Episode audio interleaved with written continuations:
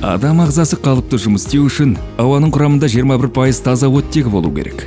Бүгінгі күні информация ауадай приоритетке ие. Бұл подкаст миға таза оттегі беруді мақсат тұтты. Оттегіні тыңдап ой қоржыныңызды пайдалы ақпаратпен толтырыңыз. Армаңыз достар оттегі подкастына қош келдіңіздер. Сөйлеп тұрған ербол молдажан ә, бүгін бізде жаңа эпизод жаңа қонақ. Ол ақын ағадос тұрсынбек башар. Е ақынмен сөйлесетін тақырып белгілі ғой. Баяғы әдебиет өлең поэзия деп баға беруге асықпаңыздар. Біз төсек тартқан тағдыр мен бұралаң өмір жолы туралы да айтамыз. Біз қаранардың белін қайыстырар ауыртпалықты жеңген күрескер жүрек жайлы да сөз қозғаймыз. Бұл эпизодта біз ақынға өлең бізге жақындайды. Ал кеттік.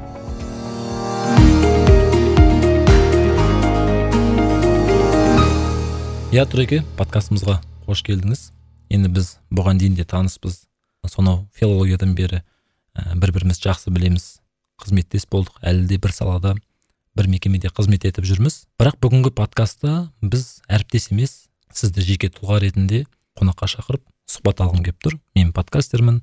Сіз ақынсыз журналистсіз. Сол үшін сізбен осы поэзия әдебиет ақын тағдыры ә, сын туралы біраз әңгіме өрбітсек деп ойлап отырмын. Қош келдіңіз. Енді мына подкастта келген қонаққа өзін өзін таныстыруға мүмкіндік береді екен. Сондай бір жазылмаған дәстүр бар екен.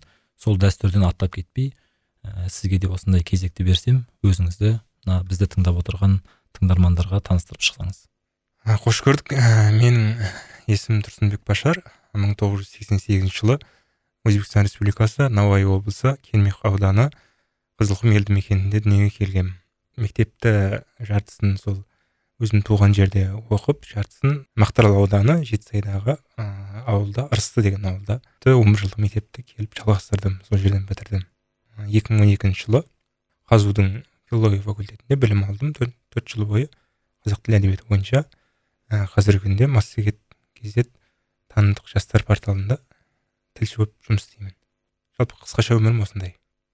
Иә тұреке рахмет. Ә, бірден сұраққа көшсек қазір өйткені біз ақын тағдыры туралы айтқан кезде сіздің балалық шағыңызға сол кездегі ә, өміріңіздің бір ә, естеліктеріне тоқтаймыз.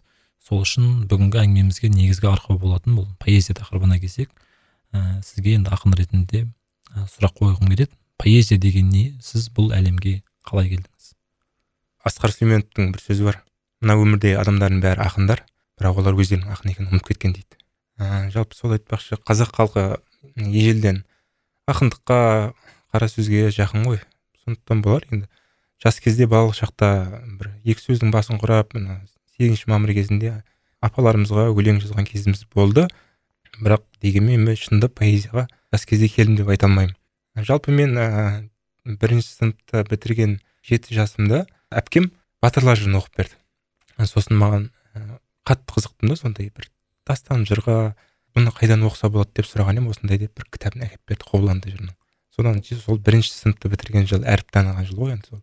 Әріп танығаннан бастап сол батырлар жырын оқуды бастадым. Сол үш ай жазда бүткіл қазақтың жыр дастандарын қобыланды батыр ер тарғын қамбар батыр деген сияқты барлығын оқып шықтым үш, ай жаз бойы. Сосын енді не оқимын деп жаңағы әпкелерімнен сұраған едім.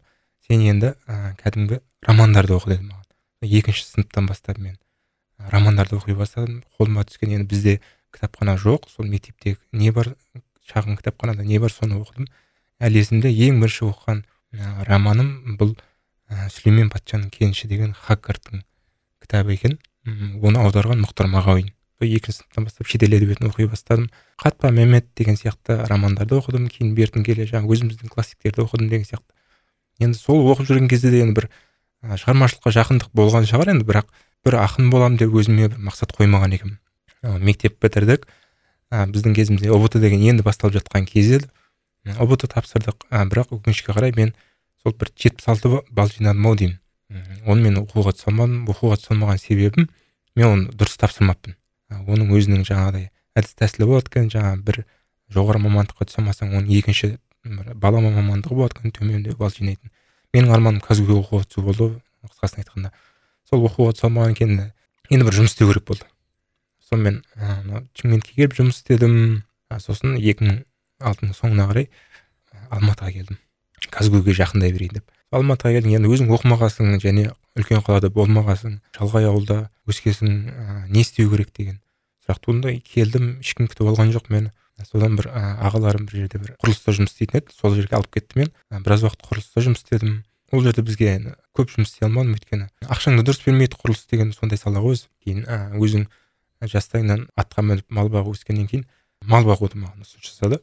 Осы қапшағайдың айналасында мен біраз уақыт бір екі жылдай қой бақтым жылқы бақтым. Осы қапшағай жақта бір үлкен тау сияқты төбе бар сол кешкісін атқа мініп сол төбе басына шығып мен алматыға қарап отыратынмын. Төлен әбдіктің тозақ оттар жымыңдайды деген сияқты бірақ оның керісі керісінше әсер етті маған бір. Сондай бір мәдениеттің сондай бір әдебиеттің ортасы сияқты болып оттар жымыңдап маған ұзақтан қарап тұратын.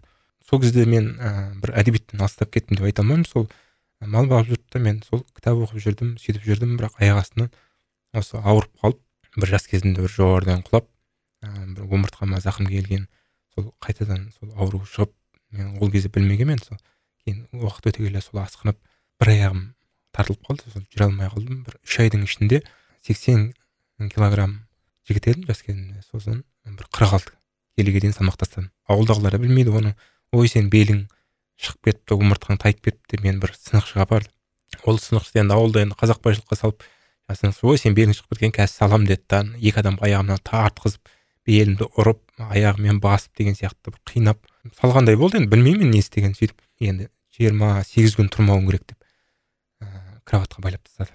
Содан жиырма сегіз күн бойы мен кәдімгідей ауырған кезде енді мен ол ауруды одан кейін сезінген жоқпын. Білмеймін енді ондай ауру қандай болатынын. Мен одан кейін де талай ота жасаттым денемді кесті деген сияқты нәрселер болды енді ә, наркозсыз. Бірақ мен ондай ауруды мен сезінбеппін. Үш жерінен байлап тастаған қалтылдап ауырған кезде кәдімгідей кровать қосылып секіретін. Сол жиырма сегізден кейін болмады. Жаңағыдай қатты арықтап кеттім жаңағы аяқ бәрібір істемеді деген сияқты. Кейін мынау ташкентке алып келіп ә, білікті мамандарға көрсеткенде осындай ә, белде жаңағы омыртқаның бәрі орнынан айнып кетіп грыжа болған деген диагноз қойды. Содан бұның емі ота жасау керек деді. Омыртқа жасайтын отаның бір қиындығы оған тек елу де елу кепілдік береді екен алдын ала ә, ата ананың жаңағыдай несі қолхатын жазып алады егер балаң болашақта ә, отадан кейін аяғы істемей қалса қолы істемей қалса не мойны істемей қалса ә, біз кінәлі емеспіз. Сіз өз еркіңізбен істеп жатсыз деген ә, біз ұзақ ойлана келе қолхат жазып берді. Себебі қолхат жазып бергенге мына жағдай әсер етті. Әкеммен бірге осы ташкентке қарай шекарадан өтетін болдық. Сол кезде мені постта тұрғандар шекарада тұрғандар түрімнің қатты өзгеріп кеткені сонша паспорттағы суретіммен өмірдегі адам сен емессің деп мені үш рет қайтарып жіберді өткізбей. Мен деп соны қайта қайта соны әрең дегенде дәлелдеп жаңағы мен қолға көтеріп тұр жүре алмаймын сөйтіп өткізді ғой. Соны біз ташкенттен сол ота жасатпай қайтпаймыз деп шештік. Сол жерде мен біраз уақыт жаттым енді жалпы жалпылама келгенде мен үш жылдай емделдім. Ақырын ақырын жүре бастадым басында. Ауылда енді бір жүз метр жерде әжетхана болса соған бір бес рет он рет тоқтап барамын деген сияқты дүниелер болды. Ә, осылай осылай мен сол кезде мына ә, франкл деген психолог бар соның айтатыны бар. Қайғыда да мән бар дейді. Егер таба білген адам қайғыдан да мән табады дейді. Ә, сол кезде маған көмекке осы поэзия келді. Енді бұдан бұрын да сол өлеңге жақындығым бар жаңағы күз келген сайын ауыратыным бар жаңағы бір жан дүниең өзгеріп күзге келген сияқты бірдеңе болады бірақ оның өлең екенін білген жоқпын оған дейін содан кейін барып мен ақырын жаңағы жатып алған кезде мен айына бір қырық елу кітап оқитын болдым. Өйткені одан басқа менде ермек болмады. Сол әпкем бір әпкем кітапханашы жұмыс істейтін сол өзі әкеліп тастайды кітаптарын. Отыз қырық кітап оқимын біткеннен кейін қайтып алып кетеді. Сондай оқып жүргеннен кейін маған солардың бәрі әсер еткен болу керек. Сол жиырма жасымнан асқаннан кейін мен ақырын ақырын өлең жаза бастадым. Осы менің қайта өмірге келуіме қайта орнымнан тұрып жүруіме осы поэзияның сіңірген еңбегі поэзияның маған қосқан үлесі өте күшті болды. Мен поэзияға қатты сендім ақындардың бір пәктігіне өлеңнің бір тазалығына саптығына сенгендіктен болар? мен осы ә, бір жер өлеңіңізді басамыз деген кезде сол мен аяққа тұрып сол жерге өзім жүре алмасам да сол барып сол жерге ақырын ақырын жүріп сол өлеңімді сол жерге тапсырып деген сияқты сөйтіп жүріп мен поэзиямен өмірге қайтадан жетелеп жүргізді. мен солай поэзияға келдім жалпы.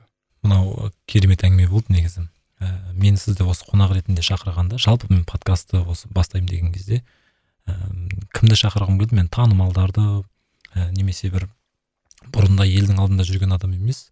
Ең басты талап менің өзім осы подкастқа ол айтар ойы бар және күрескер жолы бар адам деп қарадым да. Сізге де бұл қонақ ретінде шақырғанда мен ақын ретінде емес осы сіздің күрескерлігіңіз туралы көбірек айтсақ деп ойлаған. Бірақ оны тақырыптың ортасында келейік деп едім. Бірақ бұл сіздің поэзиямен біте қайталасқан тақырып болғандықтан өзіңіз әдемі бастадыңыз. Бұл тақырыпты әлі де ары қарай жалғастырамыз? Енді мынандай сұрақ туып тұр да осы кезде. Ә, сіздің бұл тағдырыңызбен үш жыл төсек тартып жатқаныңыз бұның бәрін мен хабардармын иә бұрыннан білемін ә, іштей риза боламын осы күрескерлік қайдан пайда болды деген сұрақ туады. Және осыған байланыстырып қойғым келген сұрақ ол осы ақындардың өзі жалпы ақындар бір тағдырлы болып келетін сияқты да менің көзіме. Ә, кейін бір биографиясын қарасаңыз да көрмеген қиындығы жоқ. Ә, солай көрінеді. Бұл енді бұл жаратқанның тағдырдың сол ақынға беретін қиындығы ма әлде қайдан пайда болады осы нәрсе? мен ақындар неге тағдырлы болып келеді қысқасын айтқан кезде? Ә, жалпы кімнің айтқаны маңызды емес әйтеуір бір данышпан. Былай айтқан екен жазу үшін адамға бақытсыз балалық керек дейді. Жалпы ақын ғана тағдырлы деп айтқан мүмкін қате түсінік шығар. Тағдыр болғаннан кейін ғана адам өлең жазайынша жаңа мен басында айтып өттім ғой адамның бәрі ақын бірақ оның өзі ұмытып кеткен деп.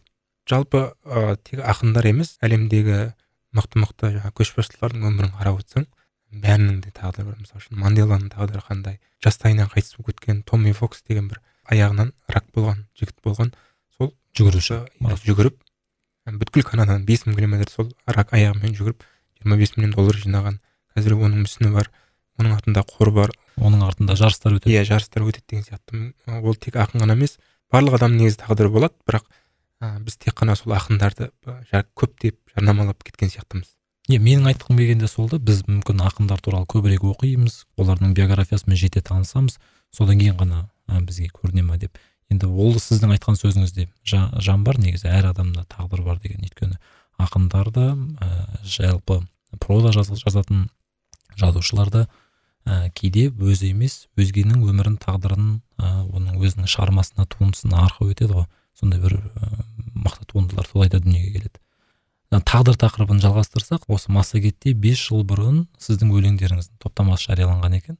Ә, сол кезде ақерке әбілхан деген біздің екі әріптесіміз пікір қалдырыпты. Ә, өлеңді жазса осылар жазсын қалғандары оқысын деп. Сосын жаңағы ақын болып туылу деген тақырып көтерілген екен. Сіз соны қолдапсыз яғни ақын болып туу бар да өлеңді қуу бар деп. Тағдырды ұмытпау керек деген осындай пікір қалдырған екенсіз массагет сайтында бес жыл бұрын. Осы ақын болып туыла ма сонда адам? Негізі ақын болып туу бар негізі. Мен жаңа айттым ғой. Бұрын өлең жазбадым. Күз сайын бірдеңелер келетін маған. Оның өлең екенін білмедім деп. Мен соның бір өтеуін алған сияқтымын да. Мен ол жолға түспей басқа жолмен кеткендіктен құдай мені сол сырқат арқылы осы жолға қайтып айналдырып алып келген сияқты. Әр адамның өзінің өмірде миссиясы болады. Қазақ айтады көресіңді көрмей көрге кірмейсің деп. Сондықтан сол мені сол жолға айналдырып келген сияқты. Негізі мен осы ақын болып туу деген нәрсеге өзім сенемін. Сіздің мына сөйлеп отқаныңызға қарап асқар жұмаділдаевтың минусты плюске айналдыр деген формуласы есіме түсіп кетіп отыр. Сол бір қиын жағдайдың өзін сіз өзіңіз позитивке және ол өмір өміріңізге нәр берген жаңа өзіңіз айттыңыз ғой сұхбатыңызда өмірге қайта келдім деп. Сол бір кезеңге тағы бір оралсақ үш жыл жату төсекте қандай күш сонда? Қандай күрескерлік сізді ары қарай сүйреген? Ә, жалпы ондай кезде мен ә, виктор франкл деген шығармалармен таныстым. Сол айтады. Адам өмірден мән табу үшін үш жолмен келеді дейді. Оның бірі тәжірибе арқылы дейді бірі махаббат арқылы дейді өмірде көрген қайғысы арқылы дейді. Ал осы үшінші жол дейді өте бір ә, берік сондай бір жақсы жол дейді. Ә, себебі ол өзі де төрт жыл концлагерьде болып қиындықты көрген адам ғой. Сол айтады ғой жаңағы қайғыда да мән бар көре білген адамға дейді. Ә, мені өмірге сол қайта әкелген осындай бір ұлы адамдардың ұлы жазушылардың шығармалары болды. Егер мен сол жасымда бір өмірге деген құштарлықпен күреспегенімде не болатын еді? Ары барғанда мен қайтыс болып кететін едім одан не мән бар? Жалпы адам өзі өмірге келгенде белгілі бір миссиямен артынан із тастау үшін келеді ғой. Гректе мынандай аңыз бар. Адамдардың барлығы танатостан қашып келе жатқан кейіпкерлер дейді. Яғни грек аңызы бойынша танатос жан алғыш. Құдай жерге келіп сизиптің жанын алуға келеді. Сол кезде сизип оған қарсы болып танатосты алдап байлап қашып кетеді. өлгісі келмейді ғой. Біраз жүреді бірақ енді құдайлардың үкімінен қашып құтылу мүмкін емес қой. Танатос оны бәрібір тауып алады да ғана сөйтіп. Мәңгі бақи домалақ тасты тау басына итеріп шығару үкіміне кеседі ол тас тау басына жақындаған сайын төменге домалап кетеді. Ол өмір бақи сол тасты итеріп жүреді. Кәмю айтады демек сезіп осыған қарсылық білдірді дейді. Ажалға қарсылық білдірді дейді. Жалпы адам өмірге келгенде бір қарсылықтың өзі бір мән. Жалпы біз құдайға қарсы боламыз немесе билікке қарсы боламыз. Ә, ажалға қарсы боламыз. Артымызда бір із тастап кетуге тырысамыз. Өнер адамы болсақ ә, шығарма жазамыз ұрпақ қалдырамыз. Жалпы ізгі істермен айналысқан адамдарға бір көше береміз ескерткішін тұрғызамыз. Олар миссиясын орындады яғни бұл өмірде із тастады қалды. Мән болды олардың өмірінде. Ә, аңыз бойынша арғы өмірге кеткен адам бұл өмірдегілер оларды есіне алып тұрса сол арғы керемет өмірден қайтып келмейді екен. Егер олар жылдар өте келе жаңағыдай мың жылдан кейін ұмытып кетсе ол адамды ол мына өмірге басқа бір тіршілік иесі болып немесе басқа адам болып мына азапты өмірге қайтып келеді екен сол ә, ажалға қарсылық білдіру үшін біз артымызда із тастауға тырысамыз. Түптеп келгенде бәріміз де сол танатустан қашып келе жатырмыз. Менде осындай түсінік болды. Осындай түсінік болды. Мен бұл өмірге келгенде мақсатым не? Өмірді не үшін сүру керек деген сияқты сұрақтарды оңаша алғаннан кейін өзің бір ойлана бастайды екенсің. Мен сол өмірімнің мәні поэзия білдім сол кезде. Өйткені өзім өлең жаза бастадым. Сөйтіп мен жақсы ақын боламын керемет ақын боламын. Түптеп келгенде ұлы ақын боламын деп нобель аламын деп өз өзіме мақсат қойдым. Сол жолда кәдімгідей мен кірістім. Сол жол мені қайта өмірге жетелеп алып келді. Аяққа тұрғызды дейсіз ғой тұрғызды иә. Мына айтқан мысалыңызда бұл күрескерліктің ең үлкен бір үлгісі екен. Ә, сосын сіз айтқан жаңа виктор франклдың кітабын мен орыс тілінде оқығанмын сказать жизни да деген. Иә иә орыс тілінде. Орыс тілінде оқыдым. Ол кітапты енді ә, түйгенім мың сан мотивациялық кітаптардан мықты екен ол кітап. Сондай ғана ой келді ең соңында иә. Өйткені неше түрлі қиындықтар. Сіз айтқандай қайғыдан да жаңағыдай мән тауып ең бірінші оның бір айтатын бір ойы адам оймен санамен берілмеу керек сияқты ғой іште рухани беріліп қойған адам. Иә рухани күйремеу керек. иә рухани күйреген адамды ары қарай ешнәрсе тоқтата алмайды ешнәрсе ұстай алмайды. Сіздің айтқаныңызға қарап поэзияның ә, былайша айтқанда сіздің осы қайта аяққа тұруыңызға қайта дүниеге келгенге көмектесіп отыр. Ә, қазір ә, арамыз арасында мынандай пікірлерді естиміз да біз поэзияны ғана емес жалпы әдеби шығарманы оқудың ешқандай қажеті жоқ. Одан да кәсіби кәсіби әдебиетті оқы ә, жаңағындай инженер болсаң инженерлік саланы ғана оқы анау тек қана уақыт жоғалту дейді. Ә, осы пікірге сіз қалай қарайсыз? Жалпы ақын жанына бұл қалай әсер етеді? Енді былай бұл сұрақты қысқартсақ ә, поэзия әдеби шығарма қарапайым адамға не үшін керек не береді неге оқу керек оны? Жазушының айтқаны бар. Әлемдегі сұлулықтың немесе түрлі түсті сұлу тотықұстың неге керек екенін білмеймін. Олардың өмірде қандай қызметі бар деген. Поэзияда осы сөз анықтама беріп тұр. Жалпы поэзия не үшін керек? Мен оны нақты білмеймін. Бірақ поэзия оқу керек. Себебі ол адам жанын ізгілендіреді өмірге жетелейді. Жалпы өнердің ең шыңы да ең басталатын бастаушысы ол поэзия. Адам алғаш рет бір өнерге келгенде бірінші поэзиямен келеді кейін ол басқа өнер түрлеріне ауысады кейін айналып келгенде қайтып поэзияға қайтып келеді. Жалпы қазір қарасаңыз да көптеген ақыннан бөлек режиссердің суретшінің бір белгілі бір физиктің болсын өмірбаянын оқып отырсаңыз көбісіне жас кезінде өлең жазған. Бұл өлең жазу адам қиялын қанат бітіреді ә, қиялын ары қарай асқақтатады. Эйнштейннің сөзі бар ғой. Мына шексіз әлем бір, бір жерге барып тоқтауына мен сенімдімін бірақ қиял ешқашан тоқтамайды дейді. Баланың жас кезінен поэзияны оқып поэзиямен айналысып өсуі оның қиялын шексіз етеді. Ол кейін ол физика саласына химия саласына жалпы технология басқа да кез келген салаға барса да ол болашақта мықты маман болып шығады. Мен поэзияны солай бағалаймын жалпы. Поэзияны жас кезде оқу керек сол үшін керек деп ойлаймын. Иә поэзия тақырыбынан алыстамай тұрып ә, сізге бір сұрақ қойғым келіп тұр. Өзіңізді классикалық поэзияның өкілі деп санайсыз ба әлде жаңа поэзияның ба? Классикалық поэзия дегеніміз не? Жаңа поэзия дегеніміз не? Осының ара, ашықтығын ашып алсақ классикалық поэзия кезінде классикалық поэзия болған жоқ. Ол жаңа поэзия болды. Одан кейін қазіргі жаңа поэзия деп жүргеніміз уақыт өте келе ол да ескіреді. Сондықтан белгілі бір дәрежеде классикалық поэзия немесе жаңа поэзия деген нәрсе жоқ. Мен осы қазіргі заманның ақынымын деп есептеймін өзімді. Екеуіне де жатқызбаймын. Күшті жауап болды деп ойлаймын мен. Жаңа поэзияның қазіргі өкілімін классикалық поэзияның болашақ өкілімін деп тұрсыз ғой мүмкін сондай шығар енді. Иә тұреке әңгімені ары қарай жалғастырайық. Жаңа бір сөзіңізді айтып қалдыңыз. Кез келген суретші өнер адамы ә, кезінде көп өлең жазған деп. Сіздің осы жауабыңыз тағы бір сұрақтың ә, басын шығарып отыр. Ол әбіш кекілбаев төлен әбдіктер кезінде өлең жазған екен. Иә иә. Оны өзіңіз жақсы білесіз. Әрине ә, осы жерде сұрақ сізге өзіңіз прозаға келу ойда бар ма сізде? Негізі мен осы поэзияға бір кішкене осы жерде сырымды ашып өтейін. Поэзия келмей тұрып негізі проза жазғанмын. Ә, Ә, осы ә, прозам бірінші курс кезінде ә, үркер сияқты журналдарда болашағынан үміт күттіретін жас жазушы деп кәдімгідей сондай алғы сөзбен басылған бұл мәссаған ә, енді өзім қазір оны айтып қоя аламын сондықтан көп айтпаймын. Ол әңгімелерім күшіктің қарғысы ананың үміті деген сияқты әңгімелерім басылды. Жылы пікірде пікірлерді естіп жүрдім. Бірақ жаңа айтқандай мен өмірге көптеген әсер еткен поэзия болғандықтан кейін осы жағы мені басып кетті да өлең жазып кеттім. Негізінде көп көптеген қаламгерлер керісінше бастап жатады. Бірінші поэзия жазып кейін прозаға ауысып жатады. Жаңа мысал келтірдік қой. Дәулен әбдік әбіш кекілбаев деп. Ә, негізі мен болашақта проза жазу ойымда бар. Оған мен барғым келеді. Өйткені есенғали раушанов айтады ә, өлең жазу отыздан кейін қызық емес дейді. Негізінде мен осы, сөзбен келісемін. Өлең себебі өлең максимализм өлең жастық өлең махаббат өлең қызу жалын сөз. Енді сен отыздан асқаннан кейін бай сал тарта бастайсың көптеген нәрсеге бір ә, жалындап қарап емес бір ә, екі жақтама ойланып қалай болар екен деп қарай бастайсың ақылмен шеше бастайсың деген сияқты. Ә, сондықтан қазір мен прозаға болашақта ауысқым келеді. Өлеңге сыймаған дүниелерді әңгіме түрінде қысқаша қысқаша әңгіме түрінде жазғым келеді. Мына мен адамдарға осы подкасттың бір сиқыры бар қасиеті бар десем сенбейді. Бірақ ә, бүгін мен қарап отырмын міне сіз көп жерде айтып алған құпияңызды осы біздің подкастта айтып отырсыз. Яғни мысалы сізбен сонша жыл таныс болып бірге оқып бірге жұмыс істеп сіздің прозадан бастағаныңызды жаңағы өзіңіз айтқан прозалар туралы мен білмеген екен иә бұны бұл да бір тыңдармандарға бір ерекше сыйлық болды. Және ә, сіз енді отыздан кейін отызға дейін қызық емес деп отырсыз ғой. Отыздан кейін өлең қызық емес прозаға ауысқым келеді деп. Екіншісі сіз бұл жасқа да келіп қойдыңыз енді. Сондықтан сізден проза күтеміз онда. Иә әрине. Бірақ мынау ақындардың өмірін қарап отырсаң көптеген ақындар отыздан кейін кітабын шығарып жатады.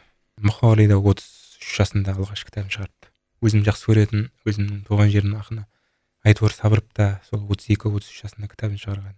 Мүмкін содан болар мен әлі поэзияда бір бірде бір кітап шығарған жоқпын. Жаңа жазған өлеңдерім өзіме ұнамаса өртеп жіберетін әдетім бар. Сондықтан өлеңдерім қысқарып келе жатыр қазір. Бір кітапқа жүк болатын өлеңдерім бар бірақ олар уақыт өткен сайын қысқарып келе жатыр сол менің қорқатыным. Болашақта солар қысқарып қысқарып жоқ болып кетпесе деген. Сондықтан бір бір кітап беріп кейін жаңағы айтып өткен прозаға қарай бет бұру деген ой менде бұрыннан мазалап жүр негізі. Құрметті тыңдарман осы жерде сіздерге ақын аслан тілегеннің тұрсынбек башар туралы жазған пікірін оқып берейін. Аслан былай депті. Қазудың 17 жатақханасында ақын көп дұрысы классик көп. 4-5 жылдың көлемі болды. Үзіліп барып жалғасын тапқан классиктер легі толастар емес. Ақындар кетеді өлеңдер қалады. Аталған классиктердің ішінде тұрсынбек бар. Адамды қызғандыратын және жиі қызғандыратын да осы тұрсынбек. Мұнысына жиі жазатыны себеп болса керек. Жиі жазудың да бірнеше себептері бар. Өткенді жиі еске алу жиі ғашық болу жиі кітап оқу тағы басқа. Тұрсекеңнің жиі жазуына осылар қатты араласатын да болу керек. Ақынды осылардың ішінен басқа қайдан іздейміз? Неге өртейсіз тұреке сіз сіз емес мен қауіптене бастадым. Сіз шынымен кітап ә, шыққанға дейін өлең азайып қала ма деген. Өйткені менің естуімше тұреке сізді аслан тілегеновтың массагетке жазған бір сіз туралы пікірінде тұрсынбекке біз қызыға қараймыз деп жазыпты. Қызғана да қараймыз. Бізді қызық қызықтыратын да қызғандыратын да оның көп жазатындығы. Өйткені ол көп оқиды дейді. Ал өзіңіз ә, тағы бір сұхбатыңызда мен көп жазбаймын. Жазсам жылына он ақ өлең жазамын дейсіз. Осы пікірдің арасында сіз көп жазасыз ба? Осыны бір ажыратып алайық және неге өртейсіз өлеңдерді? Мен жас кезде көп жаздым.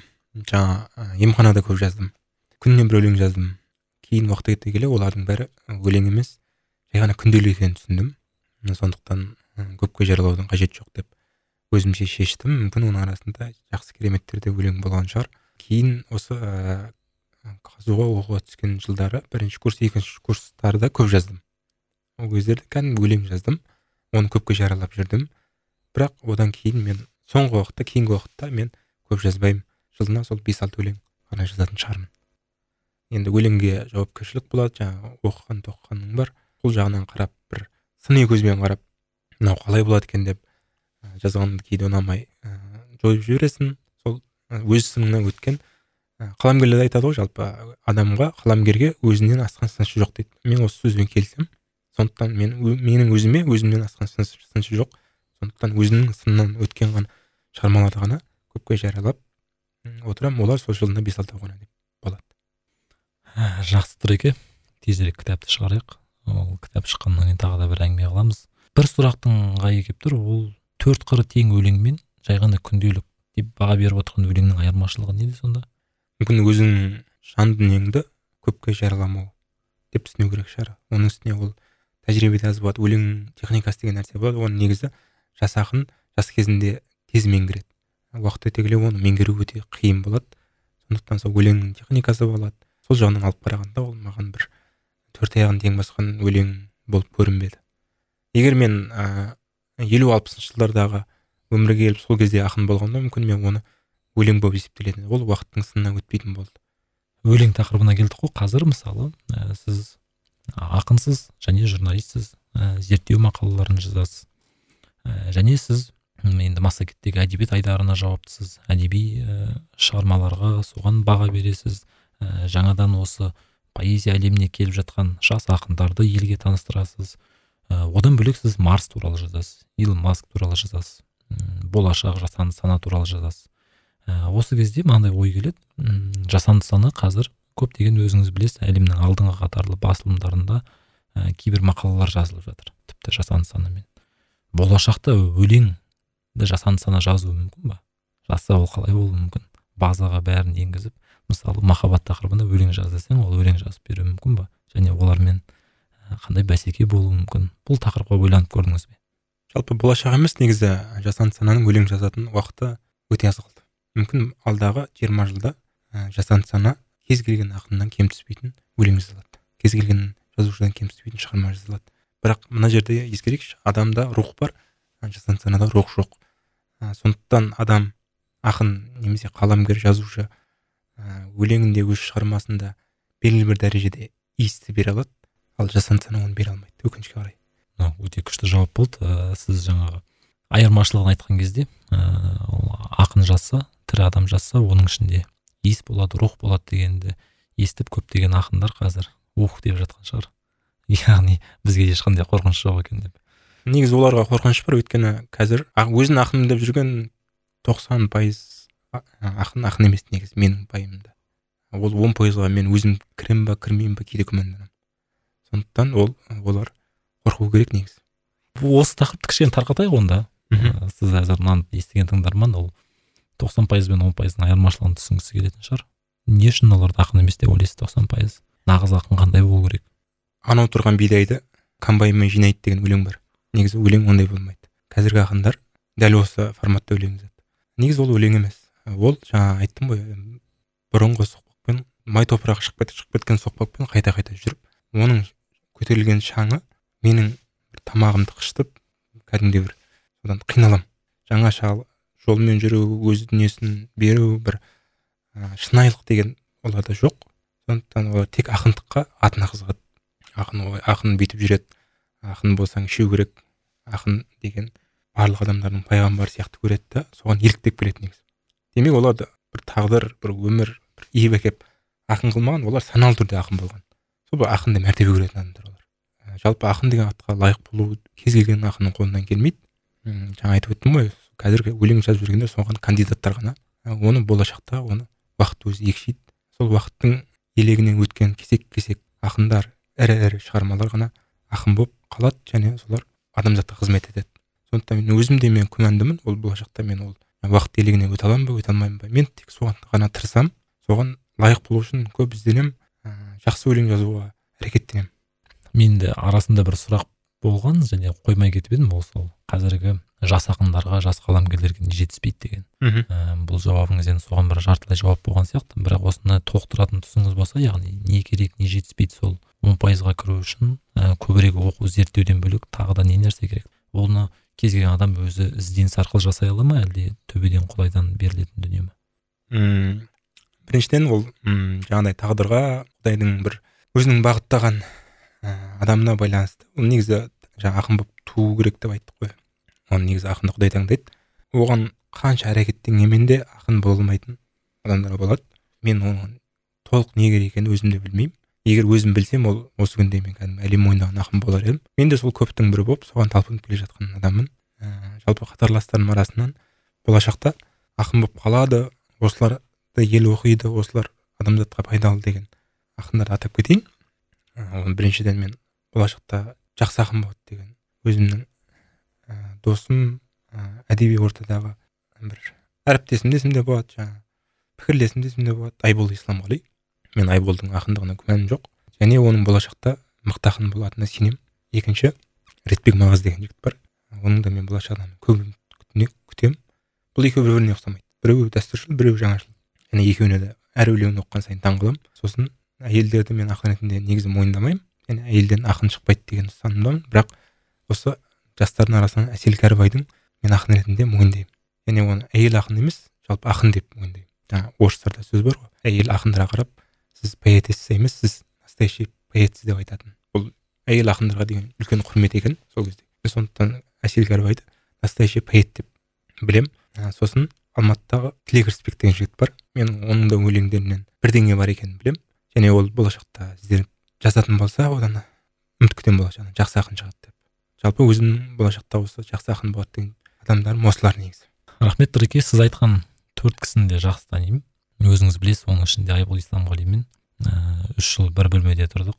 Айболдың ііі өлең шығарған шабыт келген кезде ііі қара түнде ақ параққа өлеңдері төгілген талай көзіммен көргем. Және айбол өзі бір қызық жігіт қой негізі бала сияқты кейде бір еркелігі бар қылықтары бар. Өлеңнің бәрін ақ ұрып ары бері жүріп бөлмеде сосын өлеңді біткен кезде келіп оқып беретін ііі көк қызы деген өлеңді сол ә, жаңадан жазып бола салған кезде сиясы кетпей тұрып оқып берген. Және тағы бір құпияны айтайын. Осы сұрақтар дайындау барысында мен айболдан да кеңес алдым. Ә, кейбір сұрақтар осы жерде айболдың қолымен жазылып менің аузыммен сізге Айтылып. сұрақ болып қойылып жатыр иә. Сондықтан айболға да осы подкасттың аясында мен алғыс айтамын осы сіз ә, сұхбат барысында екі рет байқадым. Бір рет нобельді айтып қалдыңыз екінші рет әлем мойындаған ақын деген сөзді айттыңыз. Ә, нобель десе ең бірінші маған нобель алған адамдар емес сіз есіме келесіз. Неге? Өйткені осы тақырыпқа көп жаздыңыз. Әсіресе массагеттің ішінде арнайы бір айдар болды. Бүкіл мың тоғыз жүз бірінші жылдан бастап кім алды нобель қалай бұл сыйлық қалай пайда болды деп көп жаздыңыз. Бұны көп жазғаныңыздың әсерінен парасат майданында осы екі кейіпкердің бірі болып осы тақырыпта сөйледіңіз. Ә, оны да қарап шықтым осы сұхбаттың алдында. Осы жерден туатын сұрақ енді бізде ә, сол жерде де қойылды. Тағы да қайталап қойғым келіп отыр. Нобель сыйлығын ә, бұған дейін неге алмадық? Және болашақта алу мүмкіндігіміз бар ма? Негізі нобель сыйлығы бізге жиырмасыншы ғасырдың ортасында бұйыратын сыйлық негізі ол бізге. Бұл жағынан әділетсіздік болды әрине. жиырмасыншы ғасырдың отызыншы жылдарындағы міржақып дулаттың ә, елес әңгімесін оқып жатсаң немесе мұхтар әуезовтің кінәмшіл бойжеткен қаралы сұлу деген сияқты әңгімелерін оқып жатсаң немесе мағжанның ә, шолпанның күнәсін оқып жатсаң ол деген ә, тек қазақ жаза алатын және адамзатқа да бір үлкен ой тастайтын өте өте терең өте өте шедевр шығармалар бұлар негізі. Бұны егер басқа тілге аударылып әлем оқығанда бұлар кәдімгідей ел таласып оқитын әлемге танымал жазушылар болатын еді. Өкінішке қарай мынау ксро ның кеңес өкіметінің солақай саясатының кесірінен олар жаңағы репрессия атылып кетті. Шығармаларын жалпы жариялауға тыйым салды мынау сексен сегізінші жылға дейін. Солай кешеуілдеп әлем оны қазақ танымай қалды. Егер прозамыз жаңағы мен айтқан шығармалар күйінде дамиды дамығанда сол бағытта кеткенде қазақтан бір емес бірнеше ә, нобель иегері шығатын еді. Енді тағдыр солай болды олар жаңа атылып кетті кейін біз алпысыншы жылдарда прозамыз шықты. Олардың өзі мына дулат исабековтердің өзі қандай мысалы үшін? Төлен әбдіктің прозасы қандай? Жаңағы мұхтар мағауиннің мен деген ә, мемуарлық романда айтатыны бар. Әлемдегі нобель алып жүрген кейбір қаламгерлер дейді менің тобығымнан да келмейді дейді. Осы сөз негізі асыра айтылған сөз емес рас сөз. Енді нобель алып жүрген шығармаларын кейбіреулерін оқып жатсаң өте әлсіз. Негізі нобель алуға саясаттың үлкен рөлі бар. Алады мысалы үшін мысал келтірейін. Моян не үшін алды моян мына қытайдың коммунистік партиясының солақай саясаты сол жердегі нәрселерді ашып көрсеткен үшін алды.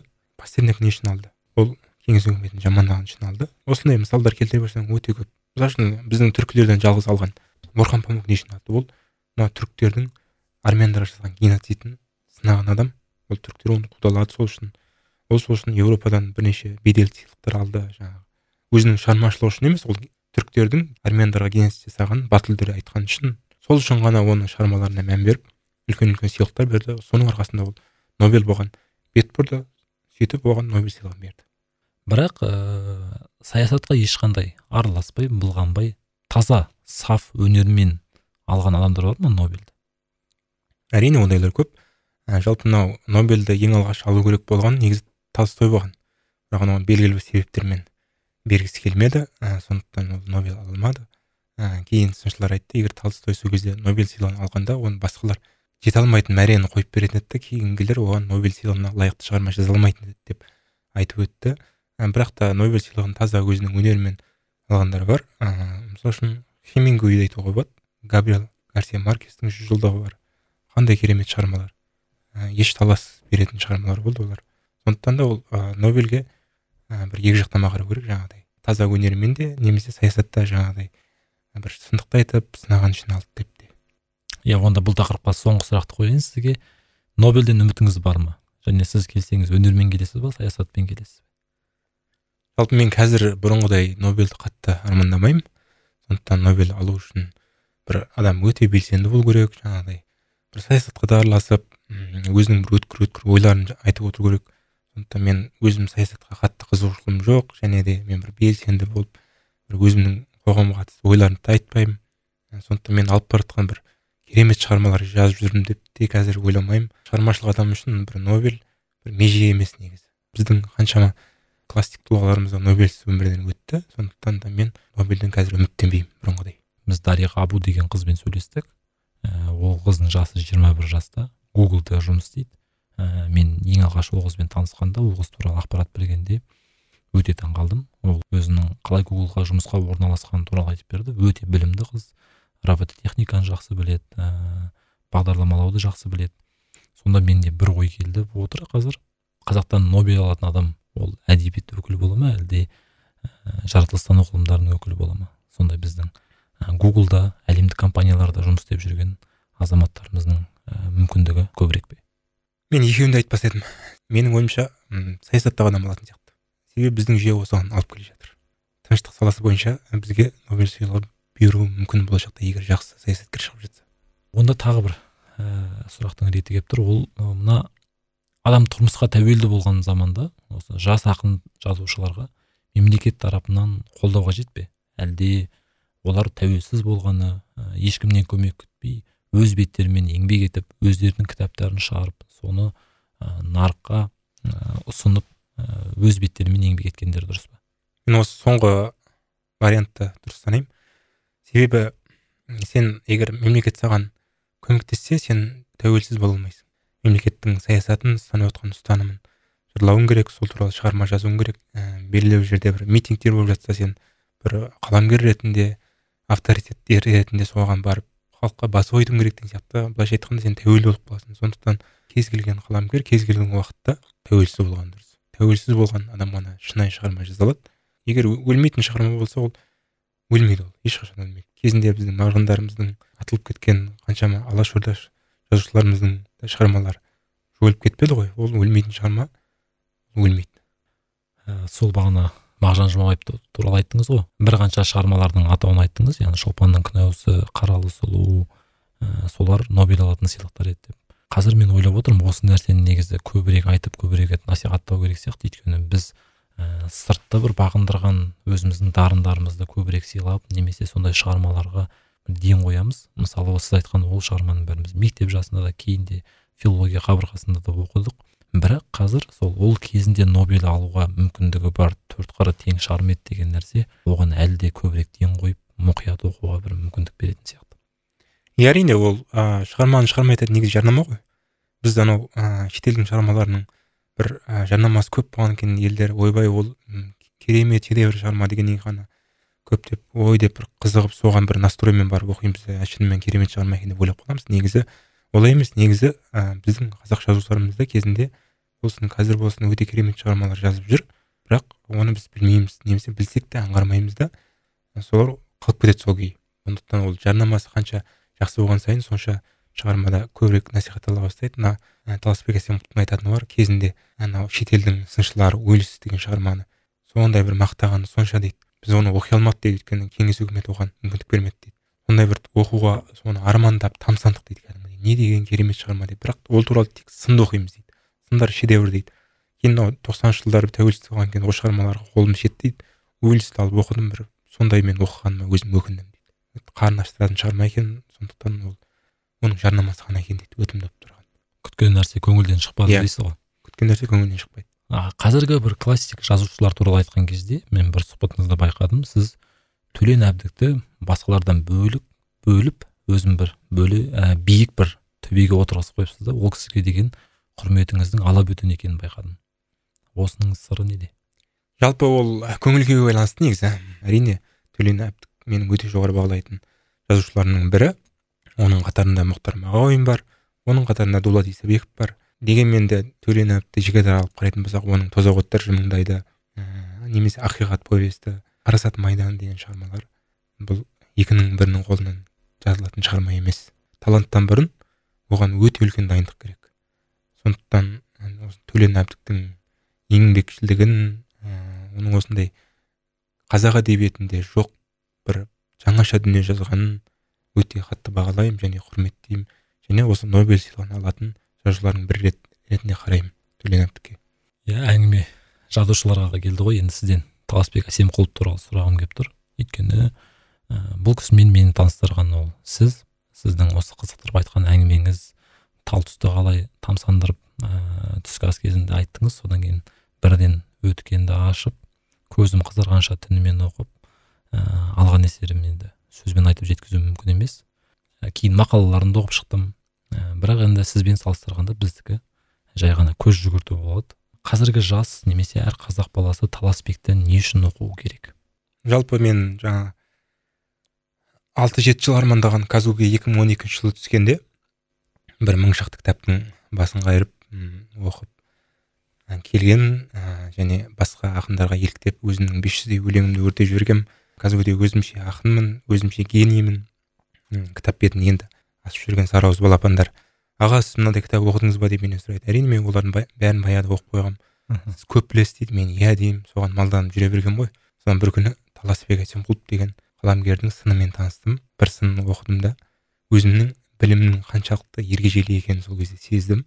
Сондықтан сынды да осылай жазуға болады екен деп. Таң қалып айран асыр болып таласбек әсемқұловтың өткен кезет деген сайтынан барлық шығармаларын көшіріп алдым. Ол четыре форматпен шамамен бір жарым мың беттей болды. Соны баса алмай оқыдым. Оқуды бітіргеннен кейін сынды таңдауыма диплом жұмысымда сол кісі әсер етті. Сондықтан мен қазақ әдебиетінің сынын таласбек әсемқұловқа дейін таласбек әсемқұловтан кейін деп бөлемін. Себебі таласбек әсемқұловтың сынындай сын бұрын қазақ әдебиетінде болған жоқ. Оның шығармалары бір қазақ болмысына қазақ жастарына қойылған бір антивирус деп есептеймін. Поэзиядан әдебиеттен жалпы прозадан ә, шығармадан алыстау адам бірден келіп сынын оқыса түсінеді деп ойлайсыз ба? Әлде бәлкім ә, тал түстен бастағаны дұрыс па? Әрине ол таласбектің сынын оқу үшін үлкен дайындық керек. Жаңа мен айтып өттім ғой мен бұрын жаңа мың кітап оқыдым содан кейін басқа дүниелер оқып ақырын ақырын келдім деп. Негізі әдебиетші болатын адамды өзі құдай бақыттап отырады. Неге мен бірден таласбек әсемовтың сынын оқымаймын? Мысалы ол қолжетімді еді. Мен оны білген жоқпын. Ол маған сол өзімнің оқитын уақытымды берілді. Сондықтан ол әдебиетке қызыққан әдебиетші боламын деген адам өзі құдай көмектесіп оған ақырын ақырын шығармаларды өз кезегімен бағыттап отырады. Шығармалардың өзі бір баспалтағы болады. Сол арқылы сен сол белгілі бір деңгейлерге көтеріліп отырасың. Жақсы мына әдебиеттің дамуына ә, сынның үлесі зор дейміз ғой енді. Өзіңіз де сынға әңгіменің басын бұрып келдіңіз. Енді бүгінгі осы әдеби сынға сіздің көңіліңіз тола ма? Жалпы әдебиетті проза поэзия сын драматургия деп бөлетін болсақ бұлардың ішінде шоқтау биіктігі негізі сын деп есептеймін. Ақынның немесе жазушының өзі білмеген өзі білмей жоғарыдан алып отырған дүниелерін түсіндіріп беретін адам сыншы деген бір сөзбен айтқанда. Сондықтан сыншы болу үшін сен тек әдебиеттен емес барлық басқа да ғылым түрлерінен хабардар болуың керек әдебиет танудан хабарың болу керек өнертанушы болуың керек. Сондықтан сыншы болу оңай емес. Қазіргі кезде мен өзін сыншымын деп есептеп шығарманың мазмұнын қайталап жазып жүргендерді. Әрине менің көңілім болмайды мен оларды сыншы деп есептемеймін. Не жазды екен деп елеңдеп басын оқимын да ол сол шығарманы қайталап мазмұнын жазып отқанын көргеннен кейін қарным ашып жауып қоя саламын маған таласбек әсемқұлов бір сынның үлкен бір межесін қойып берген сияқты да. Қазіргі күнде сол межеге жететін бір шығармалар көп жазылып жүрген жоқ негізінен. Сондықтан мен бүгінгі сыншыларға бүгінгі өзін сын жазып жүрген деп жүрген жігіт қыздарға немесе сыни шығармаларға өте көңілім толмайды. Қысқаша айтқан кезде таласбекті оқып үйреніп соған дамыса дейсіз ғой соған жетсе соған талпынса иә әрине соған талпынса таласбек әсемқұловтан асырып сын жазса мен сондай адамды негізі күтіп жүрмін. Өйткені сын жанры даму керек қой. Соны асырып жаза алған адамға мен құрметім өте зор болатын еді. Бірақ мен ондай сыншыны қазақтың арасында әлі кездестірген жоқпын.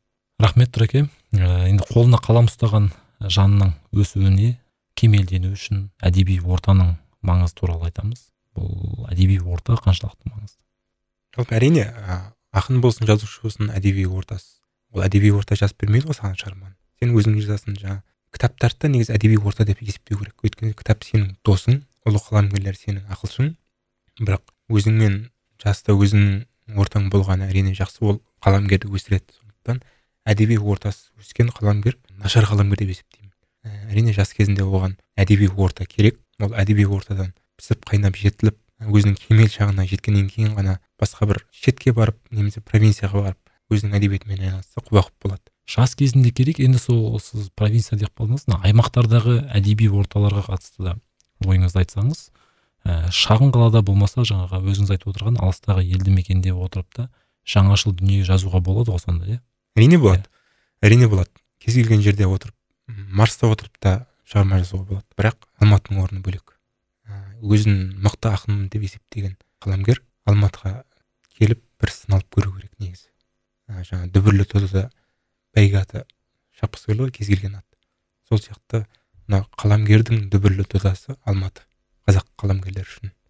Мен өзім алматыда туып өстім да бірақ ә, әрқашан айтып жүремін алматыны сүюді ақын достарымнан үйрендім деп ше. Сол қазақ ұлттық университетінде оқыған кезде қасымдағы айналамдағы жақын достарыма ақын жігіттердің алматыға өлең арнап оның әр көшесінде шамдар жымыңдаған түнде көшеде жүргенін соны бір бақыт тұтқан кездерін көргенде мен таң қалатынмын. Мына не құдірет бар мына қалада? Мен неге оны сезінбедім деген сияқты. Алматының не құдіреті бар сонда ақындар үшін? Тек әдеби ортадан бөлек өзінің бір сиқыры бар ма? Әлде сол әдеби ортамен ғана байланысты ма ол? Жалпы алматы бұл ұлылардың ізі қалған қала. Осы жас қаламгерлерді алматының тартатыны да сондықтан. Жаңағы төлеген айбергеновтың қарақалпақ қызына деген өлеңі бар сонда айтады. Қасыңа сексен қыз ертіп шықшы бермен мен саған алатауымды көрсетейін дейді.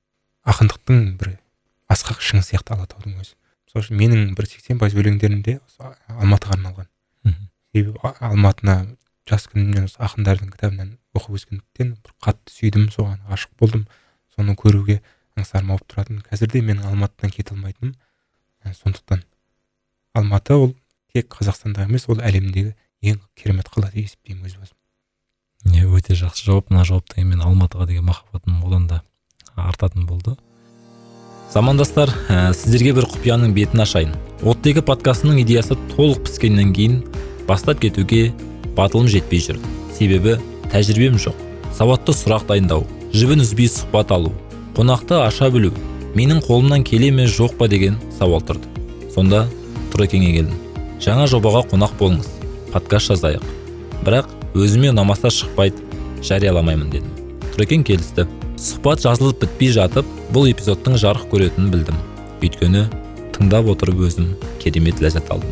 Содан сіздерге де ұнар деп болжадым. Иә достар оттегінің тұсауы осылай кесілген еді. Тұреке жаңадан бері өлең туралы поэзия туралы сөйлесіп отырмыз. Ақынды қонаққа шақырғаннан кейін ақынға өлең оқытпасақ ұят болады. Сол үшін бір өлең оқысаңыз осы жерде. Сосын әңгімемізді ары қарай жалғастырамыз. Жарайды бір өлең оқиын. Скептизм өлеңнің аты. Дауылдар өтінде жауынның астында кеземін алматы көшесін өз жаным тәнімді жатсынған таба алмай шер жол төтесін. Аялдама автобус келеді. Мен оған өзімді сүйрелеп мінемін. Ұлы ойлар темекі ұшында өледі күйбең тіршілікке көнемін. Төлеу керек пәтердің ақшасын. Өлең жазу не тең. Бас ауыртпа не істейсің басқасын деп ақындық бейнемнің жанынан өтемін. Мен ойша сыра да ұрттаймын шарап та ішемін. Сынаймын тағы да төзімді келесі аялдамадан түсемін. Ішке қалдырып өзімді. Әкесін ойлаған анасын сағынған. Мына мен қоғамның кішкентай бөлшегі әрекетіміз уақытқа бағынған жас өскін алға шықпай белсеніп. Иисусты отыз күміске сатқан қоғамдай өмірде бәрі де сатылар. Дәуірлер өзгермей ғасырлар жаңармай арамыздан бір иуда табылар. Көкжиек шетінде ұлы ойлар өледі. Мен солай думандатам талай мен. Келесі ғасырға аяқ басқым келеді. Жаңарған қоғаммен ескірген абаймен. Ә, бәрекелді тұраке скептизм деп қойыпсыз өлеңнің атын сіздің ә, бір өлең топтамаңыз бір сайтта жарияланған екен. Сол кезде бір ә, оқырман пікір қалдырыпты. Ақынның шетел сөздерін шириме сас пен пессимизм ретро ешбір қажетсіз қолдануында қандай білгірлік бар? Қазақ тілінің байлығын білу сыйлау керек дейді. Жалпы бір данышпанның сөзі бар. Әлде философ па екен ол маңызды емес бірақ ә, сөзі маңызды болып тұр бізге. Сенің пікіріңді айтуға құқың бар. Бірақ оның онымен келіспеуге менің де құқығым бар дейді. Әрине ол кісінің айтқанымен келісемін. Бірақ поэзияның да өзінің белгілі мақсаттары бар. Мысалы үшін қазіргі поэзия қандай поэзия?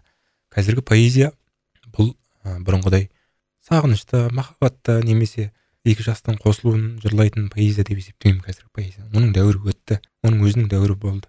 Қазіргі поэзия бұл интеллектуалды поэзия. Бұл қазіргі поэзияны оқу арқылы оқырман іздену керек. Ол сол арқылы бір ой тыю керек. Сондықтан мен өзге тілдегі сөздерді қоюымның себебі де негізі ол саналы түрде барамын маған. Себебі оқырман ізденсін осы сөздің мағынасы не оның өлеңмен байланысы қандай ол туралы басқа философтар немесе басқа қаламгер не жазыпты бұның ә, тарихтағы әлеуметке қоғамға еткен әсері қандай деген сияқты. Мен бір бұл елеусіз сөздер емес бұл кәдімгі бір терминдер бір латынның сөздері немесе бір танымал сөздер негізі оның бәрі. Сондықтан ондай сөздермен интеллектуалды поэзияны жазып отырмын деп өзім сондай саналы түрде барамын. Өте жақсы. Енді түсінгенім сол жаңағы сөздің астындағы терең мағына сіздің жазған дүниеңізбен керемет үндесіп жатыр ғой. Және оқырманды ары қарай ізденуге шақырады. Жаңа бір айтылған әңгімеде екі үш рет ә, еске алдық. Сіз жаңағы мың кітап оқыған кезеңіңізді айтып отырсыз. Ә, бірақ мен қазуда оқып жүрген кезде сіздің үш мың кітап оқыған деп еститінмін. Осыншама кітапты оқу ол сіздің сол төсек тартып жатқан кезде ма? Әлде одан кейін де оқу іздену жалғасты ма? Негізгі көбірек оқуға ден қойған кезіңіз қай кез? Әрине ол төсек төсек тартып жатқанда көп оқыдым одан бірақ мен казгуде негізі көп оқыдым. Осы казгуге келгеннен кейін бір ә, менде іргетас фундамент болды. Сондықтан қандай шығарма оқу керек екенін білдім. Сосын саналы түрде сол шығармалардың тізімі бойынша казгуде өте көп оқыдым мен кәдімгідей. бір аптада он бес кітап оқыған кездерім болды. Мынау ыыы казгуде мысалы үшін демалыстар болады ғой жаңағы жиырма күн деген сияқты январьда демалыс болады жаңағы сол кезде бәрі үйіне қайтып кеткенде мен өтіріктен бір жерде жұмыс істеп жатырмын деп жаздырып алып өйткені жатақхана қалуға рұқсат жоқ бәрі қайтқанда сен де қайтуға міндеттісің бірақ мен қайтқым келмей сол өзім жалғыз қалып саналы түрде кітаптардың бәрін чемодан чемодан қылып әкеліп алып сол казуде қалып сол бір бір нанды бір аптаға жеткізген күндерім болды тек қара сумен нанмен өзге ақшам да жоқ қой бірақ кітап бұл жерде асығып береді саған. Сондай кездерде мен казгуде өте көп кітап оқыдым. Марков кітапханасымен ұлттық кітапханамен қатты дос болдым. Мен марков кітапханада апайларым әлі де мені шақырып тұрады әлі де жақсы көреді. Сен үздік оқырман кел деп ә, мен бірінші курстың өзінде менің аты жөнім жазылған жерді қарағанда мен үш жүздей кітап оқыған екенмін бірінші курстың өзінде. Тек марков кітапханасынан ол марков кітапханасы ол. Мен оқыған ә, жаңағы источниктің бір төрттен бір ғана. Сондықтан менің ең көп оқыған кезім студенттік жылдарым болды. Ә, бұл жерде менің ә, айтқым келгені баяғыда бір әңгіменің әңгімелесіп отырған кезде сіз айтқансыз мен кешігіп қалдым деп. Ол кешігіп қалғаныңызды сіз жаңағы өзіңіздің ауырып қалғаныңыз төсекте жатып қалғаныңыз яғни бізден бес алты жасқа үлкенсіз және ә, мысалы менен бір курс төменде оқыдыңыз. Иә. Ол сіз уақыт жағынан кешіккенмен соның әбден есесін берген сияқтысыз ғой. Армандап келіп отырсыз ә, бүкіл назарыңызды уақытыңызды иә кітапты астан да жоғары қойып оқыдыңыз. Яғни бұл жерде менде бір ой туып тұрды. Яғни бұны тыңдаған тыңдарманда мынандай дүние қалу керек сияқты. Оқуға білім алуға іштегі өзіңнің арманыңа жетуге ешқашан кеш емес деген сияқты. Осындай ой болды ма сізде? Әрине, әрине мен сондай ой болғандықтан ғана мен жиырма төрт жасымда казуге оқуға түстім. Қазіргі жастармен салыстырғанда қазіргі жастар жиырма төрт жасында олар магистратурадан бітіріп отыратын уақыт. Үйленіп үй болатын уақыт. Мен сондай кезде бірінші курсқа өзім қорықпай өзіммен алты жеті жас кішкентай жастармен оқыдым. Өйткені ә, адам білім алуға ешқашан кешікпейді. Тоқсан жаста да адам білім алуға болады. Менде осындай түсінік болды осындай бақыт болды. Шығармашылыққа деген аштықтың әсерінен мен осылай көп оқуға тырыстым өзім кешігіп қалған дүниелерге ертерек жетуге тырыстым. Рахмет нұреке осы кезде кітап туралы әңгіме болды ғой. Топ үш кітабыңызды қысқаша айтып берсеңіз. Енді қазір әрине үш кітапты айту өте қиын. Өйткені мына бір ә, авторды айтсаң келесісі ренжіп қалады деген сияқты. Мен өзім жақсы көретін герман мелвейлдің моби дигін немесе деклонның шығармаларын мұхтар мағауинді достоевскийді чеховты ежелдегі інжілді гомерді айтуға болады бұл жерде. Бірақ мен қазір қазақ қоғамына керек үш кітапты атайын. Өзімше. Қазіргі қазақ қоғамына керек үш кітап.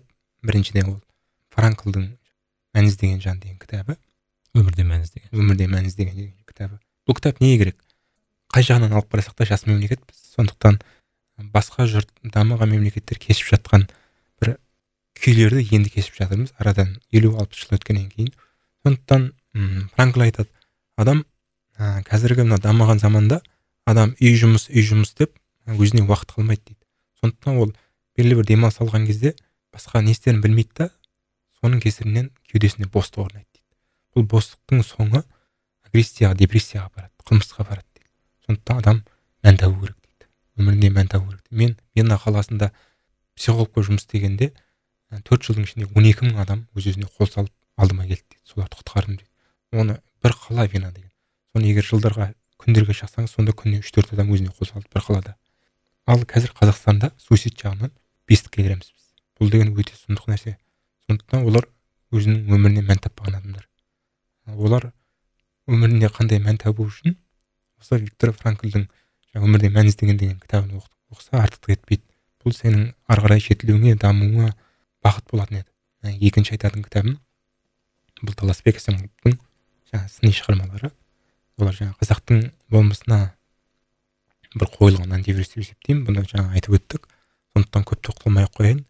Үшінші айтатын кітабым бұл джордж аруэллдің мың тоғыз жүз сексен төрт деген кітабы. Енді бұл үшеуінде не байланыс бар? Жаңа өмірден мән таппаған адам жалғыздыққа ұрынады. Таласбек әсемқұлов айтады. Бұл өмірде адамдардың бәрі жалғыз дейді. Біз жалғыздықтан қашып қатынасты ойлап таптық дейді. Сондықтан ол жалғыздығынан қорықпау үшін адам жаңа виктор франкл айтпақшы мән табу керек. Енді таласбек пен виктор франклдың арасында байланыс бар. Джордж аруэллдің мың тоғыз жүз сексен төрт деген кітабымен не байланыс бар деп есептейтін болсақ жаңа жалғыздыққа ұрынған адам кеудесінде бостық орнайды содан барады да бұлар конформизмге ұрынады конформизм дегеніміз не? Конформизм дегеніміз бұл біреудің істеген нәрсесін қайталау. Бұл қоғамға ғана адал болу өзіне емес. Бұл өзіндік пікірі жоқ өзіндік бір бағыты жоқ адамның көрінісі. Былайша айтқанда қазіргі тілмен айтқанда бұл зомби. Бұның түбі неге апарады? Бұның түбі тоталитаризмге апарады. Тоталитаризмге ұрынған адам кедейленеді. Ал кедей адам өзінің қарнын тойғызудан басқа және отбасын асырудан басқа.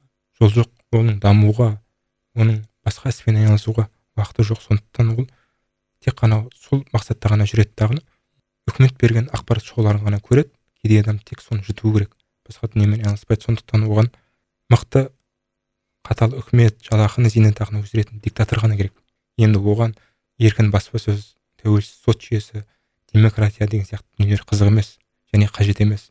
Ол өзінің кедейлігімен мақтанады және сол мақтану арқылы өзінің мемлекетінде диктаторын басқаларға дәріптейді сондықтан осындай жолдарға түспеу үшін джош аруэллдің мың тоғыз жүз сексен төрт деген кітабын оқыса қоғамның көзі ашылады деп ойлаймын.